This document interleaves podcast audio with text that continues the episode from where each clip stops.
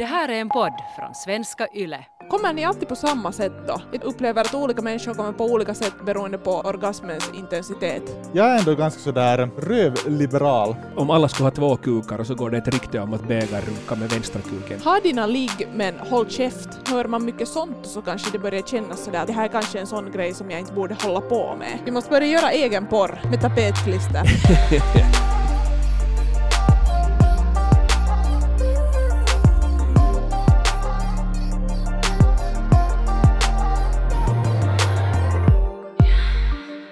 Frågepodden 2.0. Jag har frågat på Instagram, skicka in frågor till Sex och sånt-podden och jag har fått frågor. Okej, ska vi köra den första frågan?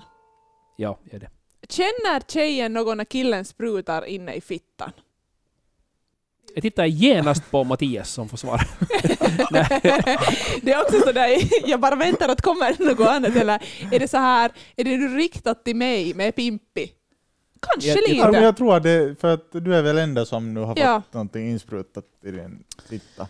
Hör du, kära du som frågar, eh, jag måste säga att eh, inne i fittan så finns det ju inte sådär jättemycket sådär känsel, sådär riktigt långt och djupt inne i fittan. Nu skulle det måste spruta väldigt, väldigt hårt och med hårt tryck för att det skulle kännas sådär extra mycket. Det som kan kännas är att det blir lite mera vått. Mitt svar är nej, själva sprutandet känns inte. Det är att den här människan kommer känns. Menar du liksom krampar, kramper eller alltså den här muskelsammandragningar i, hos mannen eller hur menar du? Ja, jag skulle säga så här att, att själva liksom inom citationstecken sprutet känns inte men allt annat kring det där sprutande känns. Människan, kuken, filisen, men inte, jag känner inte av sperman, spermasprut inne i min fitta. Kanske någon Men- annans fitta gör det, men inte min. Men sperma kan ju, sen, den kan kanske kännas om den börjar rinna och, och ha sig. Så. No, men det sa jag ju. Men det där har jag nog funderat, alltså jag har funderat på den här frågan någon gång. Men hur är det sådär om man kommer in i reven, känns det då? Du riktar många blickar mot dagen. Varför gör du det? Kan du inte rikta jag kan, jag kan jag rikta svara på mot det här lika bra. No, men För att du svara fick svara just Malene, nu är det min tur. Aha, okej, varsågoda. Jag ville också Nej. prata om det här. Exakt samma svar som Malena hade just. Plus det att det blir de där spermafjärtarna som vi pratade om också då i det där avsnittet om analsex. Mm. Efteråt känns det mera, för att ur fittan så rinner det ju bara ut, men i reven så blir den där sperman kvar. Men det som är min fråga, för att snabbt gå vidare från det här. Mhm. Den här, allting annat som du sa Malena, man känner inte själva sprutet, men allting annat känner man. Känner du det också om eh, mannen har en, en kortso på? Liksom, va, vad menar du nu? Om jag liksom känner av att, att mannen håller på att komma, eller att mannen kommer med en kortso på också? Ja, alltså du sa att du, du känner inte av, eller man känner inte av liksom själva sprutet, men man känner ju att mannen kommer. Mm. Så känner du det också om han har kortson på? Ja. Exakt. Men min tanke är att det finns en sak som, som känns mindre, eller jag tror att det är mest psykologiskt, men en känsla av extrem närvaro. Och, och närhet kanske mera. Ja. Som jag upplever att man kanske går miste om då, om den som penetrerar en har kondom på. Handlar det inte mera om en sån där filis i huvudet mer om den där kortzon som är på kuken? Att ha lov och att få komma in i den andra och att kroppsvätskor blandas med varandra. Och det liksom sist i sig. Och att den andra tar emot din tavara. Vad är det som händer? Eh, Här är nu någon granne som borrar. Jag är vittu grannarna. Vi måste ju säga att vi är på distans. Dan, du är hemma hos dig och jag och Mattias sitter hemma hos mig, så vi ser varandra från skärmar. Så därför vet man aldrig att om det är Dans sambo eller grannarna som har någon show. Ja. Det finns ingenting så trevligt som när man borrar in i en vägg. Jag får lite, alltså, lite sådär ståndis varje gång som jag borrar i väggar. För att, alltså, vet ni, lite adrenalinkick. Mm. Det är någonting att man är sådär, jag ska förstöra det här! Kul. Man har makt. Det är makt. Ja, det, det här är nog också en sån grej.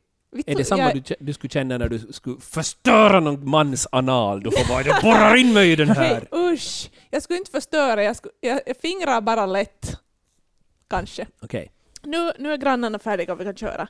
No, men ja, jag, jag tänker just att det handlar om vad man liksom filar i hjärnan. Kanske också att, att känna sig ganska sådär vad heter det på svenska, hyväksytty, Och accepterad. accepterad, liksom på ett sätt att jag tänker att det kan vara en lite, inte samma sak ändå, men en lite liknande sak som att sådär, okej jag har mens och att min mens är också liksom accepterad i det, i det här hela. Att liksom att ha, ha menssex. Men att liksom att alla vätskor och allt som kommer från mig och allt jag är accepterat. Men måste vi prata lite om det här ordvalet att spruta. Jag vet inte sådär att har man sett ganska mycket på porr Ja, handlar det om du, att man har sett 10 000 camshots på porrsajter och tror att, att det flyger åt alla håll? Mestadels när man ser någon komma så är det ju inte att det flyger runt utan typ att det sipprar ut. Eller då förstås att om någon kommer helt jättehårt och fast kommer in i ens mun så det, det är ju nå, ganska, jag måste säga ganska sällan som det är nu sådär att det är någonstans ända in i halsen flyger. Och där är ju det att jag vet ju bara mitt egna kommande. På något sätt har jag säkert haft en bild att, att hur jag kommer så kommer alla på ungefär likadant sätt. Men, men ni som har varit med mig så vet också andra sätt hur man kan komma. Jag har bara min egna bild och det som jag har sett i porren, men porren är ju ganska förvrängd. Kommer ni alltid på samma sätt då? Jag menar sådär, jag tycker jag upplever att olika människor kommer på olika sätt beroende på liksom på något vis orgasmens intensitet. Alltså ganska långt ändå på samma sätt. Alltså, någon kommer man mer och någon kommer man mindre, men inte så att det, någon gång skulle man sippra ut och någon gång skulle man komma som någon jävla tsun- eller flodvåg. Ibland kan man ju nog över, överraska sig själv och vara så här att ”Oho, vänta nu, varifrån kom det där?” Att det där, det där visste jag inte att var på, på väg. Och ibland kan det också ha att göra med liksom hur länge man har varit kåt och hur länge man har hållit på och så där upplever jag. Men, men nu vet jag att jag har i unga år varit ganska varit fundersam att vänta nu, varför sprutar inte det så mycket som i porrfilmerna?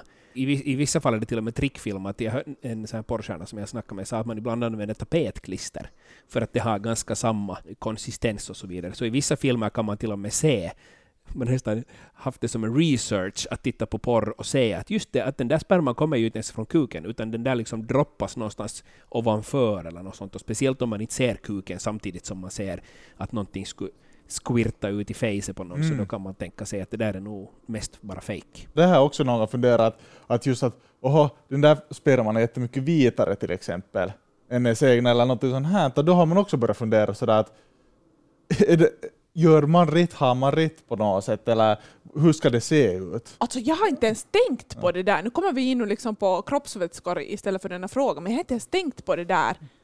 Att ja, ofta så är det jävligt vitt. Jag upplever inte heller ofta sperma som så jättevit som det är i porrfilmer. Nu vet vi var tapetklistret sitter. Vi måste börja göra egen porr med tapetklister. Så se om folk går på det. Ja. Men var det, här, var det här vårt svar på den frågan? Att eh, känner kvinnan om man kommer i henne? ja, Svaret är i, i korthet nej, man känner inte själva sprutande, men eh, det kan ha en hel del andra psykologiska effekter att, att veta att någon kommer in i en, eller att få komma in. Följande fråga från Instagram-boxen, ställ en fråga till Sex och sånt-podden, låter så här. Hur ska man sluta ha skam över alla dessa engångsligg man varit med? Känner ni skam över era engångsligg? Nej, alltså ibland kan man känna skam. Men nu är jag stolt, det är kanske också fel ord, men inte känner jag på det sättet skam verkligen heller över någon person som jag har luggit med. Jag känner inte heller någon skam om jag läser den här frågan också, över alla dessa engångsligg. Det, det, det låter som att det finns en liten inbyggd skam i antalet. Inte kanske just att man har varit med enskilda människor, eller att ah, varför var jag med honom eller varför var jag med henne, utan att ja, det har blivit en del nu. Och att man kanske skäms över det, det, det känner jag inte. Eventuellt kan jag känna i efterhand att var sådär att äh, jag var nog jätte, jättekåt och skulle jag inte ha varit så jättekåt så skulle jag kanske inte ha varit med honom. Ja. Jag tänker också att den här frågan liksom inte handlar om enskilda fall eller sådär. Och det är ju nu lite ledsamt att vi alla är här sådär, nå, att inte, vi känner ingen skam, att det skulle vara skönt att någon av oss skulle vara sådär, okej, jag känner igen mig i den här frågan. Jag känner inte heller någon skam för att jag har legat runt, så att säga. Men det är kanske för att jag är annars också hjärntvättad med det här arbetet. Att det känns jätteokej. Men fast jag inte känner igen mig personligen så nu förstår jag ju liksom den här grejen. Om, speciellt om det här är en kvinna som skriver in den här frågan vi har snackat om det mycket tidigare, att kanske bara kvinnors sexualitet har begränsats eller försökt begränsas så jävla länge. Och det här med att ligga runt har, har nog inte varit okej okay, och kanske inte är okej okay, liksom jag tänker bara no, vissa mindre orter kanske så är det verkligen inte OK och, och annars också. Att det, inte, det ses inte som en fin sak att ha mycket sex och att ligga runt och att man kanske därför känner skam.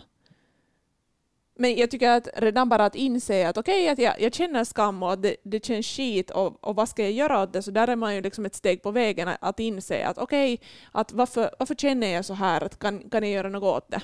Jag kommer ihåg den här skammen. Jag tror att den var nog också mycket starkare bland tjejer när man var kanske i, i, i tonåren och sena tonåren i alla fall. Men sen när man började studera, och man, eller när jag själv blev lite äldre, så tycker jag att den där skammen också har försvunnit och då diskuteras det inte mer att hur många har du varit med och, och, och, och du är så inom citationstecken lätt. Det var mycket sånt som jag tycker att man hörde, sånt här, att någon är lätt mm. eller någon är svår. Okay. Jag tycker igen liksom sådär, alltså då, för ett par år sedan när jag liksom senast var singel och när jag då liksom pratade med folk, vet jag, ganska öppet de som, som jag liksom hade sex med så pratade jag ganska öppet om det att, att okej, okay, att, att, att jag träffar också andra, att, att det kan vara bra att du vet och att gärna skulle jag snacka liksom mycket sex. Då fick jag nog liksom höra ofta att det här är ingenting som du ska prata om. Det här känns inte bra och att ha dina ligg men håll käft. Och det, det kanske liksom hör man mycket sånt också så kanske det börjar kännas sådär att okej okay, det här är kanske en sån grej som jag inte borde hålla på med. Och då mm. var jag ju ändå fan 26. Men, men jag, jag tror att det är lite annan sak. Alltså jag tror också att, att om, om jag skulle nu ligga med någon ny person, så inte vet jag om jag skulle vilja veta om den andra personens andra personer som den ligger med. Mm, okay. uh, eh, jag brukar inte berätta om, om människor som jag har luggit med, för det känns något som jag kanske inte vill höra och kanske något som, som jag är sådär, men då, den informationen får du hålla till dig själv. Så, eller jag tolkar det lite som en annan sak. Mm, kanske.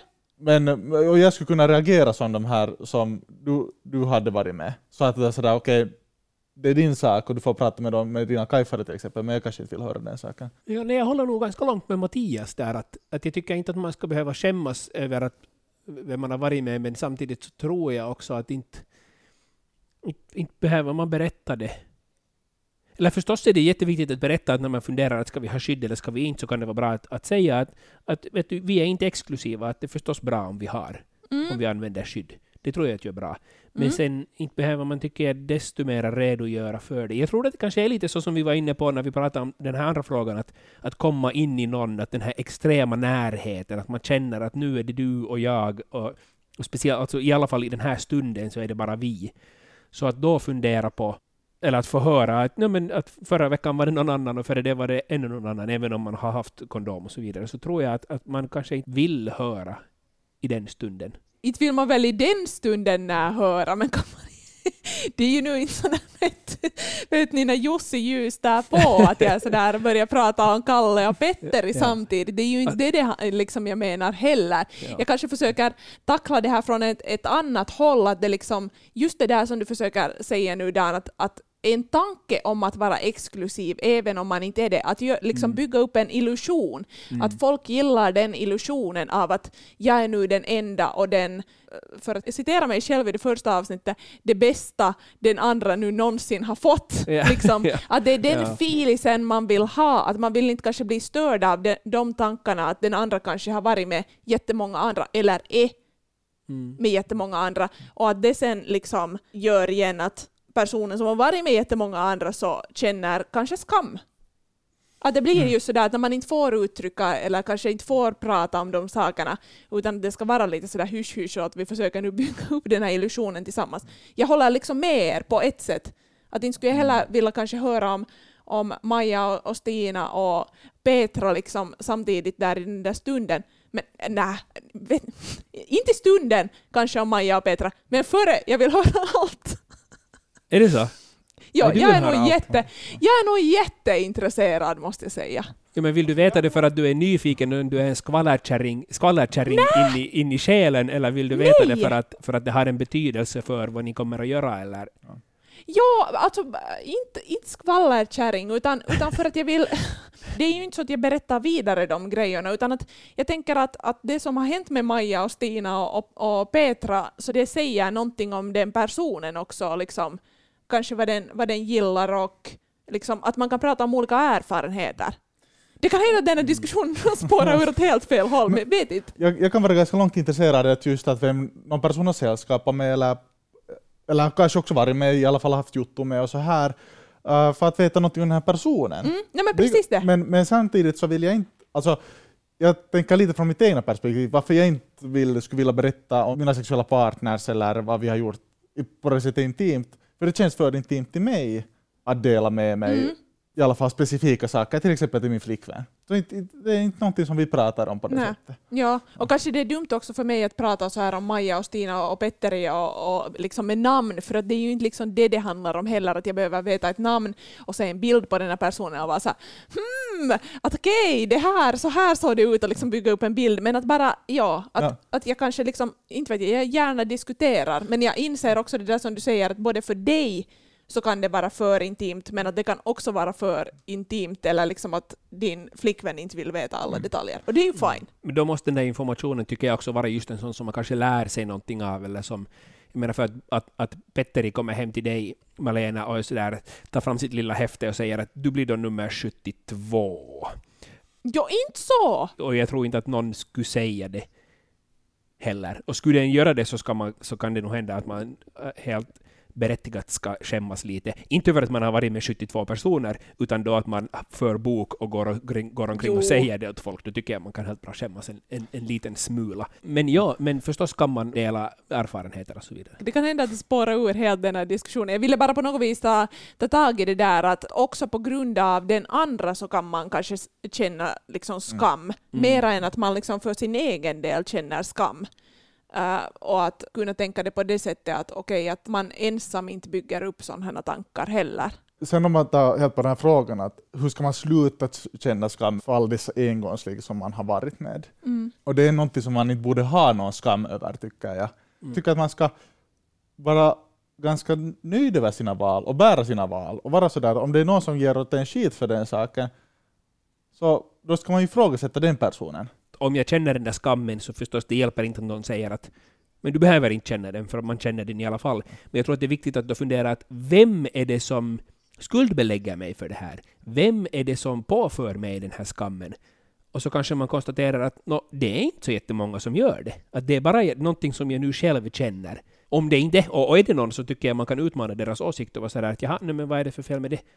Kanske Mm. du är bara avundsjuk för att, för att du har legat en halv gång i ditt liv och det tog tre sekunder. Nej, det var därför jag kanske snöade in mig på det här att, liksom, att prata med, med andra partners, att om det liksom finns en sån kultur att man inte kan säga de där sakerna och så har man en bild i sitt huvud att, att som kvinna ska man då inte liksom ligga runt. Så sen att om den, den förstärks av det att ens partner sen är sådär att hej, att, att vittu, jag vill inte höra om det här och liksom hy vittu. Så då, då blir det ju liksom ännu mer och ännu starkare. Men ja, jag håller med om att Ja, att, att owna sina val för det första och, och kanske liksom bara för en framtid att fundera på det där att okej, att jag får göra just som jag vill och jag får eh, ha så mycket lust som jag vill och liksom, så länge det känns bra att ha sex så ska jag få ha sex med den, den jag vill och den som vill ha sex med mig utan att någon kan kritisera det. Men att sen på något vis ödmjukt se tillbaks på det och liksom fundera just att vem är det som skuldbelägger mig? Är det någon? Har någon någon gång sagt något skit? Och det här är lite som, som det där avsnittet som skulle handla om, om fittan, eller när vi pratar om fittskam. Det, skam är så jävla svårdefinierat, att varifrån det liksom kommer. Att ofta när man skäms över någonting så tar det ju en jävla lång stund innan man på riktigt får sådär där på att vad det egentligen handlar om och varför man skäms och, och vad, vad det liksom bottnar i. Man kan ju inte trolla fram det. Det är enkelt för oss att sitta här och säga att trolla fram ett, ett resultat och sen efter det ownar du dina val och sådär wow yeah, att- jag ligger runt och det känns varje gång bra. Men kanske bara sådär, du vet nu den här saken och du vet att du skäms och så småningom liksom Eh, bena och beta, beta fram den här grejen. Vi har någon gång bland några kompisar i alla fall att okay, man har varit med någon annan eller någon ny och sen när man sådär, tar man och, då ringer till en kajfare och sen pratar man om den saken.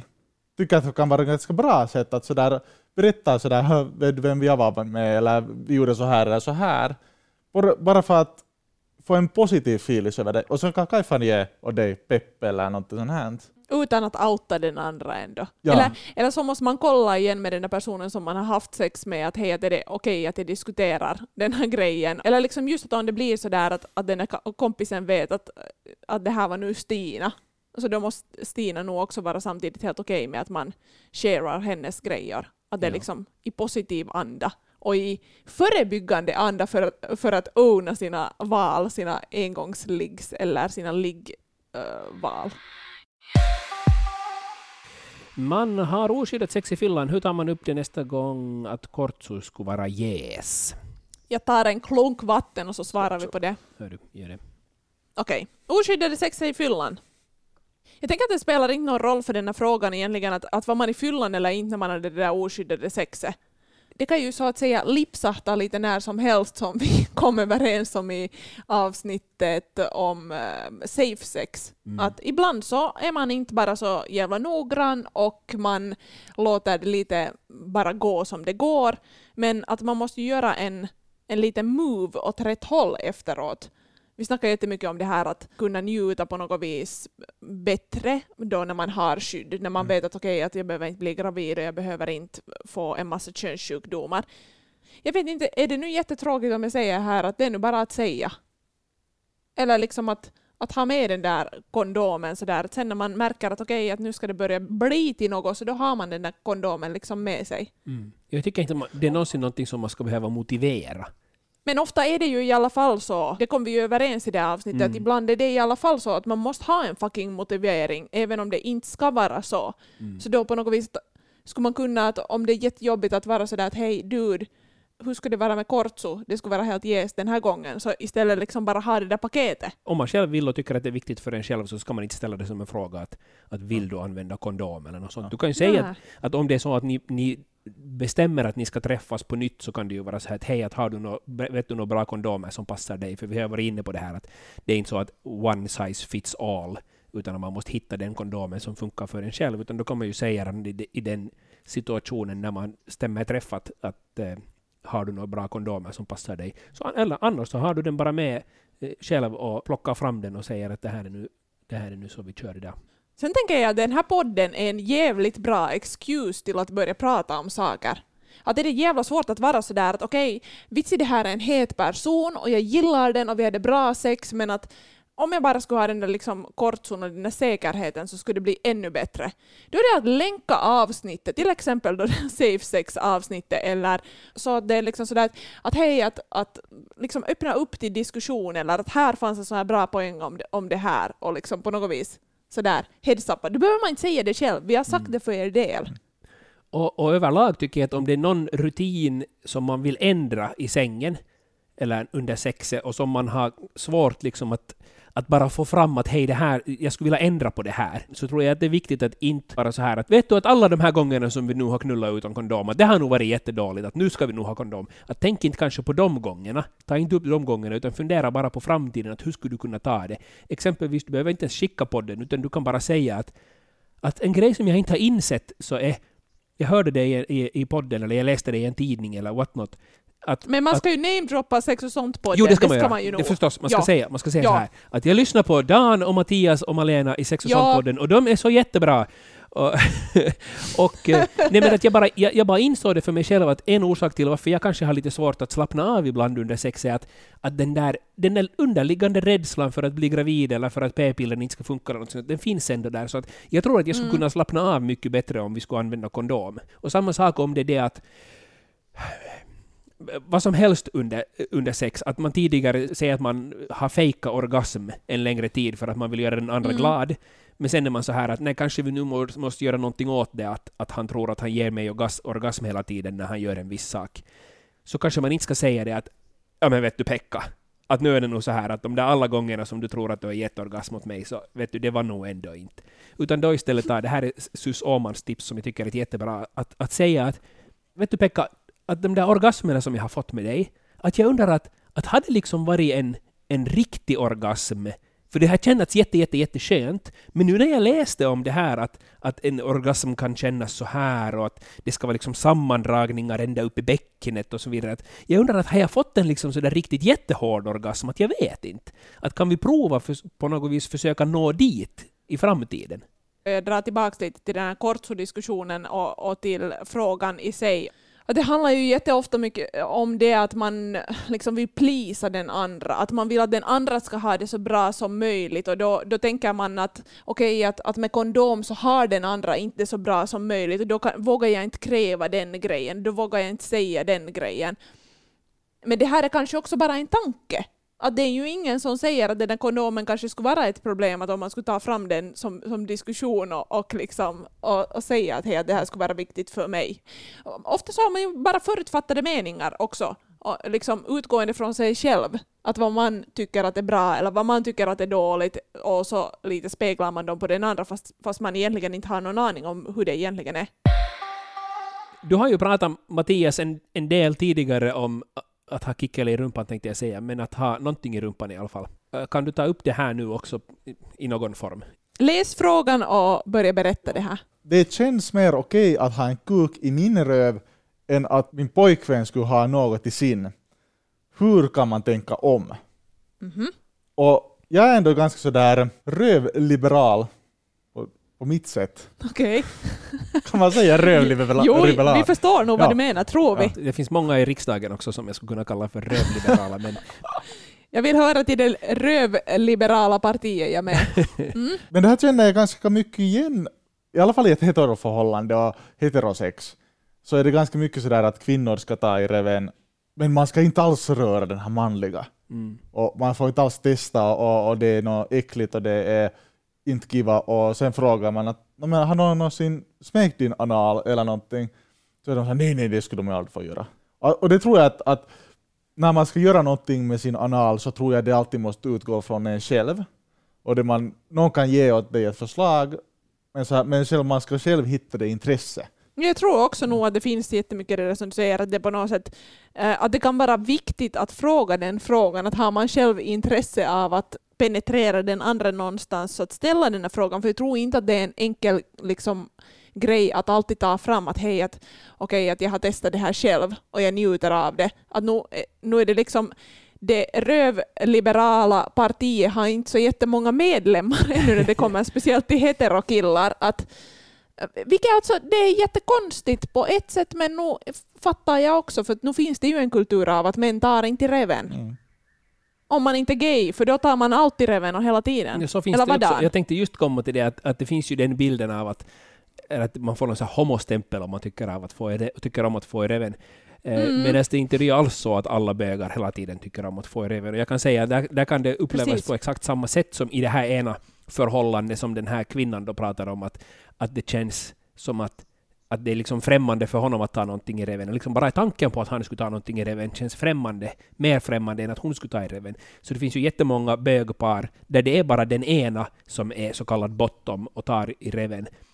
Och där, där tror jag att tanken skulle, känns lika främmande som för det här heteroparet, att det är den andras revy som nu mitt i allt ska användas, för att det bara inte är i det paret någonting som man har gjort tidigare.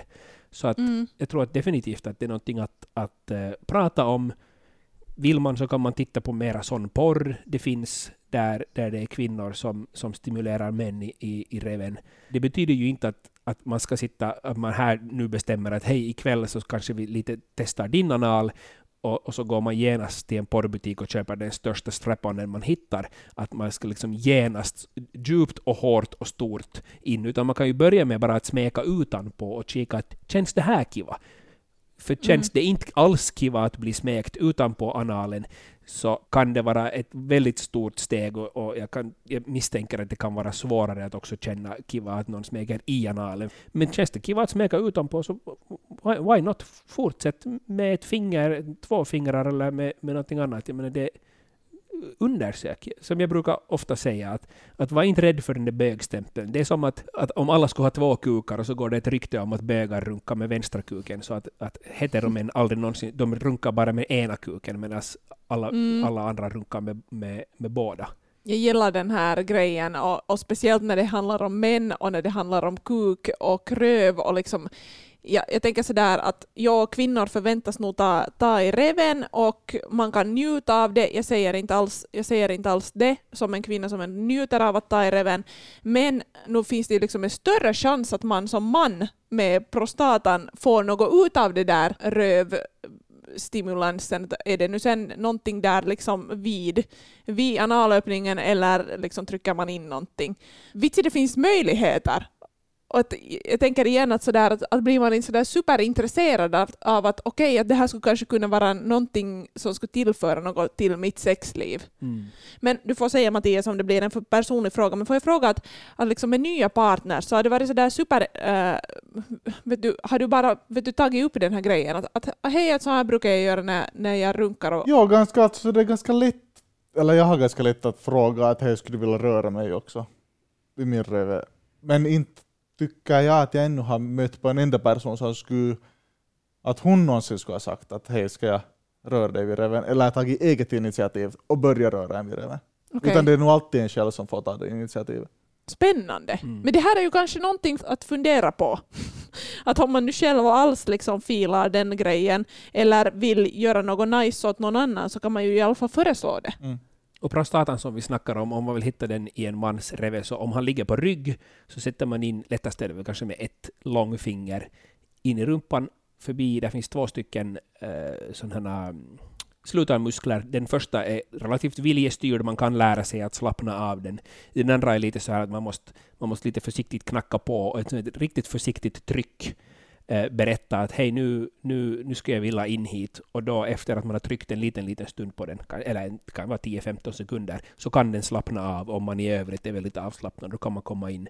Och sen genom att göra en liten sån här väldigt försiktig så här kom hit-rörelse, att man lite drar ihop sitt finger upp mot killens mage, så då kan man komma åt den där prostatan. Man känner inte den väldigt, väldigt tydligt, så det är nog nästan mannen själv som känner att är du nu på ett kiva ställe eller mm. inte. Så prostatan är ju, är ju den som ger den här liksom till satsen, eller till det man kommer, den här liksom mjölkiga, vita, kladdiga utseende. Spermierna kommer ju från testiklarna, men 20-30 procent av vätskan kommer från eh, prostatan. Får jag fråga en prostatafråga nu av er med prostator? Enbart prostataorgasm, visst är det liksom en helt möjlighet det också? Liksom utan någon annan sorts stimulans alls? Ja. Mm. Men för, för egen del så tycker jag ju då att att det är som att runka med bara vänstra kuken. Att, ha, att har du två så är det kivogare att runka med dem båda. Men förstås ja, är det möjligt att, att, att, att, få bara... Men en prostatastimulerad orgasm Eh, kan vara helt otroligt mycket mer intensiv. Vad säger du Mattias? Jag har aldrig själv upplevt bara en, en prostatastimulerad orgasm, men det är väl som Dan säger, det är väl helt möjligt i alla fall. Mm. Ja. Och det skulle jag vilja säga, jag har en kompis som är 30-ish, som, eh, som är helt hetero och som helt, relativt nyligen har insett den här prostatans vikt i hans liv och hur fint det kan vara. Och jag är bara otroligt glad för hans skull att han i, i 30-årsåldern har hittat en helt ny, otroligt stor del till av, av den sexuella njutningen. Ja, men det känns lite så här att, för att gå tillbaka till frågan, liksom att, att hur ska man tänka om? Jag tänker att allt som har med sex och kanske sexualitet att göra också, att liksom inte ha så jävla mycket förutfattade meningar om hur saker ska gå till och vem som tycker om vad och för att jag tycker om det här så tycker säkert alla andra också. Utan att liksom mera eh, kanske öppna upp för nya tankebanor och eh, inte vet jag, inte, inte utgå från att, att så här är det. För att det finns ingenting så här är det utan att eh, liksom våga upptäcka på vägen. Lika som den där din kompis som nu har hittat en helt ny grej och varit så här okej, okay, fucking mindblowing prostatan och liksom analöppningen. I fucking love it. I fucking love it! Följ oss på Instagram, på yleextrem6. Där fortsätter diskussionen tillsammans med mig, Malena. På Instagram kan du också ställa frågor eller komma med förslag på teman som vi senare skulle kunna snacka om i podden.